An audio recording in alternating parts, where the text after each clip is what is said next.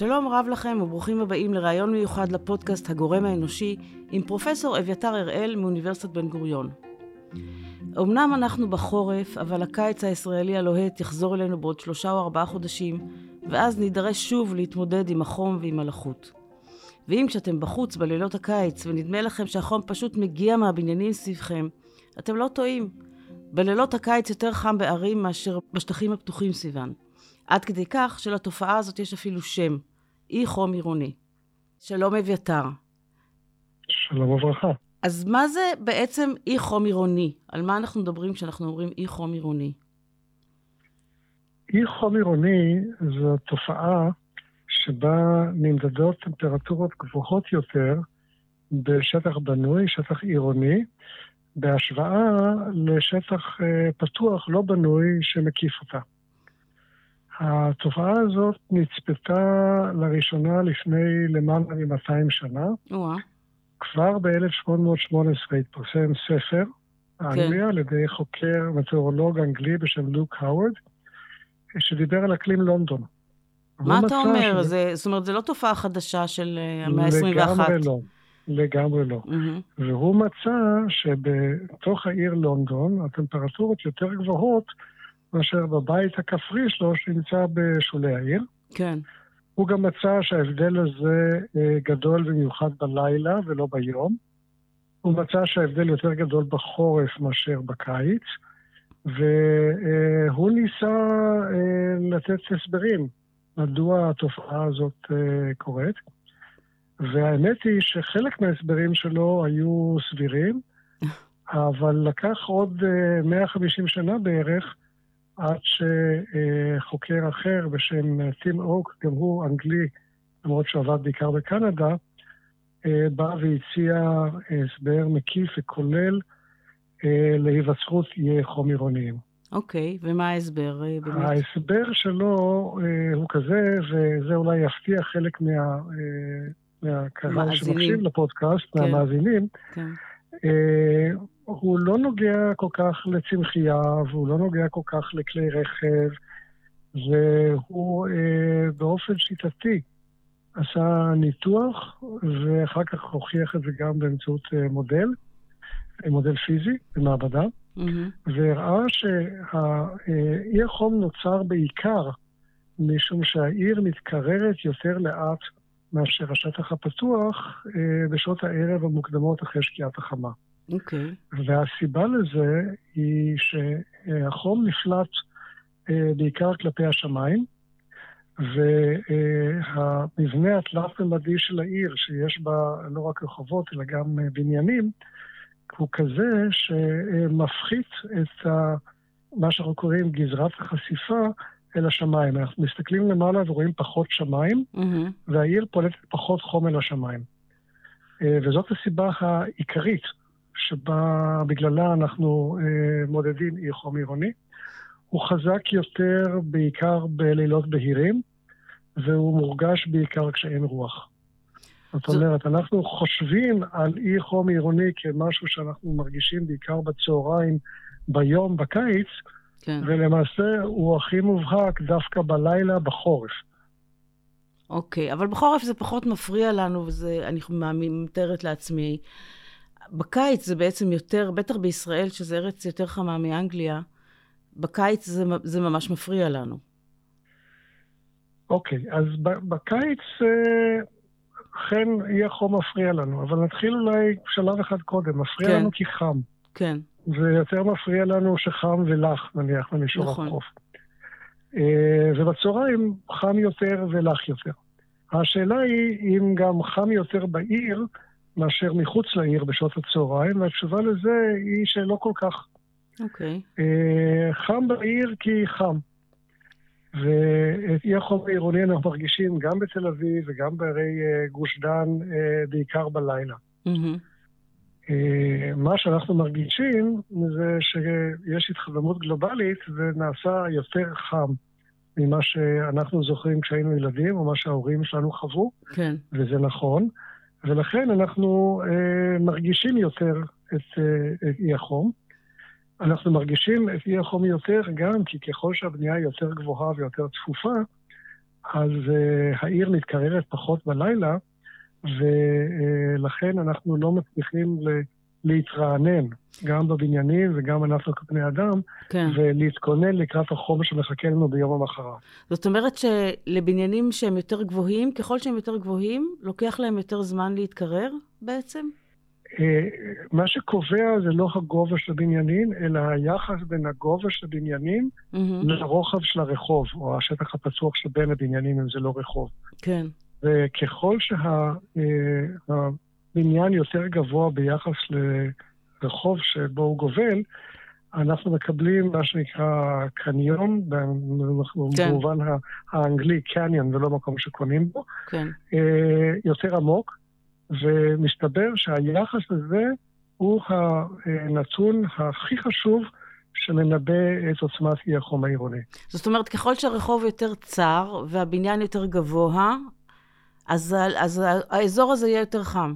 אז האזור הזה, ההפרש בין טמפרטורת הסביבה מחוץ לעיר, הטמפרטורה בתוך העיר, כן. יהיה יותר גדול. הוא יכול להגיע, דרך אגב, לשמונה או אפילו עשר מעלות לפעמים. וואו. זה יכול להיות הבדל מאוד מאוד גדול, אבל חשוב לומר, זה לא קורה כל יום, זה לא קורה כל הזמן. כן. זה קורה, שוב, בימים, או יותר נכון, בלילות בהירים בלי רוח, כן. בהירים, זאת אומרת, השמיים ללא עננים, בלי רוח, בלחות נמוכה, אז נחזור שוב למצב שאנחנו מכירים בתל אביב. כן. הלחות היא גבוהה, אה, השמיים יכולים להיות מעוננים, או מעוננים חלקית בערב, mm-hmm. ואז לקבל אי חום עירוני אה, נתון של 2 או 3 או 4 מעלות, בדרך כלל לא יותר מזה. כן, אבל אני כן יודעת שבשכונות שיש בהן למשל עצים, אז אה, אולי בנייה גם קצת פחות צפופה, אז יש, הטמפרטורות יותר נמוכות בלילה. נכון. ככל שהשטח יותר פתוח, נקרא mm-hmm. לזה, אה, הוא נוטה יותר להתקרר בלילה. כן. ואז השאלה שאנחנו צריכים לשאול את עצמנו היא בעצם, אה, מה אכפת לנו שיש אי חום עירוני? כן. אז אמרת קודם, אה, לא, באנגליה קר, להם אולי פחות אכפת אי חום עירוני, אבל כן. לנו יותר אכפת. נכון. אז לנו אכפת כשאנחנו נמצאים בחוץ, בין כהולכי רגל בדרך לעבודה, mm-hmm. או כאשר אנחנו שוהים במתקני משחקים עם הילדים, כן. או סתם עושים קניות, לא חשוב כשאנחנו נמצאים בחוץ, יושבים בבתי קפה, אז אנחנו רוצים להרגיש שלא חם לנו. כן. וכאן צריך לשאול מה גורם לנו להרגיש שחם לנו. והתשובה היא לא רק טמפרטורת האוויר, ובאופן מפתיע זה אפילו לא הגורם העיקרי בארץ, כי בשעות היום הגורם הכי חשוב זה אם אנחנו בצל. נכון. אם אנחנו בצל אה, נרגיש אה, הרבה פחות חם מאשר בשמש, כמה ההבדל הזה יכול להיות גדול? אם נחשוב על uh, המונח בתרגום חופשי של מרגיש כמו, כן.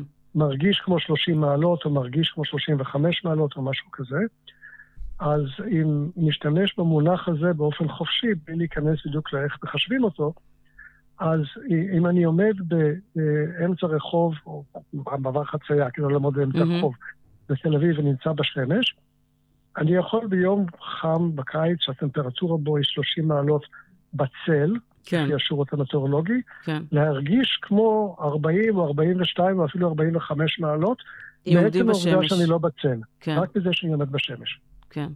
עכשיו, אם אני נמצא בצל, ויש אפילו קצת בריזה קלה, אז מצבי, אפילו בתל אביב בקיץ, הוא נסבל. סביר. אני לא כן. לא אגיד נוח, אבל נסבל. נכון. ואז מה שחשוב לעשות זה לתכנן את המרחב הציבורי, ואנחנו מתחילים מתחיל להיות מודעים לזה בארץ, ככה שיהיה לבני אדם שנמצאים בחוץ נוח. כן. ואנחנו רואים שנניח ב-10 או 15 השנים האחרונות, כמעט כל מתקני המשחקים לילדים ופינות המשחק אה, קיבלו רשתות צל. כן. לא ו... תמצאי כמעט אזור משחקים שהוא לא מוצל, וזה לא היה ככה פעם. נכון. ואנחנו מתחילים להבין את החשיבות של עצי רחוב. מאוד אה, חשוב. והרבה מאוד רשויות מקומיות, יש אפילו החלטת ממשלה שמעודדת את זה, אה, נכנסות למהלך של נטיעת עצי רחוב כדי אה, לתת צל להולכי הרגל בקיץ. כן, כי אין מספיק באמת צל בישראל, נכון לעכשיו. בהחלט. נכון. עכשיו, יש עוד בעיה שאם חם בלילה, בטח בגוש דן, אז אנחנו רובנו מדליקים את המזגן. שזה, אמת. כן. אז, אז, אז אם ניקח את הגורם הש, השני שמפריע לנו, שבגללו אנחנו מייחסים חשיבות לעצם ההופעה שלי, החום העירוני, mm-hmm. אז זה כמות האנרגיה בדרך החשמל שאנחנו uh, צריכים כדי למזג את הבניינים. כן. אבל את החישוב הזה צריך לעשות גם בסך הכל השנתי, שזה מה שאנחנו משלמים עליו, וזה מה שגורם לזיהום של האטמוספירה בפליטה של גזי חממה, משום שכמעט כל החשמל בישראל עדיין מופק מאנרגיות אה, לא מתחדשות. כן. אנחנו שורפים אה, בעיקר גז היום, אבל גם זה יוצר גזי חממה. נכון. וזה סך הכל האנרגיה, אבל גם הפריסה שלה בעונות השנה ובשעות היממה, אנחנו לא רוצים להיקלע למצב שבימים חמים אה, חברת החשמל לא מסוגלת לעמוד בעומס אה, במיוחד אם יש חס וחלילה תקלה או, או פיגוע או משהו כזה.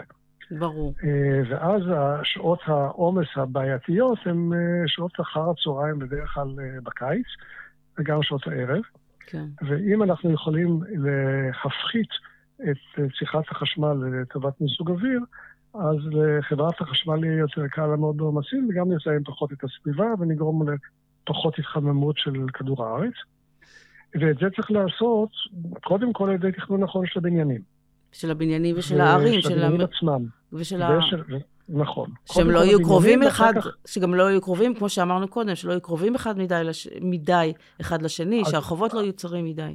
אז אנחנו רוצים רחובות שמעודדים הליכתיות. Mm-hmm. אנחנו רוצים לצמצם את המרווחים העירוניים, כך שהעיר תהיה יחסית צפופה. זה מעודד אינטראקציות בין, בין אנשים ועירוניות טובה. אז יש פה לפעמים אה, התנגשות בין הרצונות האלה. כן. והחוכמה שלנו היא לדעת לתכנן את הרחובות ככה שהם יהיו מספיק צרים אה, כדי שהעיר תהיה קומפקטית. תרגיש עירונית, כן. כן, אבל מספיק רחבים כדי שתהיה בהם תנועה חופשית של אוויר, mm-hmm. ושלא אה, נרגיש אפילו קלסטרופוביה או קרבת יתר לשכנים. כן. ואז ברחובות האלה, אם נתכנן נכון את הנטייה של צמחייה, במיוחד עצים, כך שיהיה לנו צל, אבל הם לא יחסמו לחלוטין את תנועת האוויר, ולא יחסמו לגמרי פיזור של מזהמים שעדיין נפלטים מכלי רכב, כן. אז נמצא איזושהי, איזשהו אופטימום. איזון. זאת אומרת, עוד פעם אנחנו רואים איך הדברים קשורים אחד לשני, כי הערים הגדולות אה, מגבירות את החום מגבירות את החום, שבעקבותיו אנשים מדליקים יותר מזגנים, ובעקבותיו אנחנו שוב, יש לנו יותר זיהום בגלל שימוש בדלקים אה, מזהמים בעצם, לא מתחדשים. אה, זה נכון, אבל חשוב להדגיש פה עוד דבר, עוד נקודה אחת. Mm-hmm. Uh, הבית הכפרי הממוצע בישראל, לחשוב על איזושהי, איזה יישוב כפרי שאת רוצה, צורך יותר חשמל לכלום מאשר דירת המגורים האופיינית במרכז תל אביב. כן. Uh, בדרך כלל יותר גדול, יש בו אה, יותר מעטפת חשופה לשמש, לסביבה, זה גג, זה קירות כן. וכולי. אה, ולכן אה, דווקא הבנייה הצפופה בערים היא כזאת שבחשבון הכולל היא יותר חסכונית היא בצריכת האנרגיה שאנחנו אה, נדרשים אליה כדי לקיים את אה, רמת החיים שלנו. כן, מה ש... צריך לזכור, זה גם, זה גם מיזוג אוויר, זה גם תחבורה, זה גם נכון. כל מיני דברים. לא, מה שאומר שפשוט צריך לז... לקחת בחשבון את הנושא הזה ולתכנן בהתאם את, ה... את הבנייה, במיוחד בישראל באמת, שזה ארץ ברוכת שמש, נגיד ככה. אה, בהחלט. כן. אבל צריך לזכור, הערים, הערים הם קצת בעיה, אבל הם גם הפתרון. נכון, נכון, נכון. פשוט צריך ערים שהן בנויות נכון. לתכנן אותן בהתאם. תודה רבה, זה היה מאוד, אה, מאוד חשוב ומעניין. בשמחה, תודה לכם שהזמנתם אותי. להתראות. עד כאן להפעם, תודה לפרופסור אביתר הראל, תודה לכם על ההאזנה ולהתראות. thank you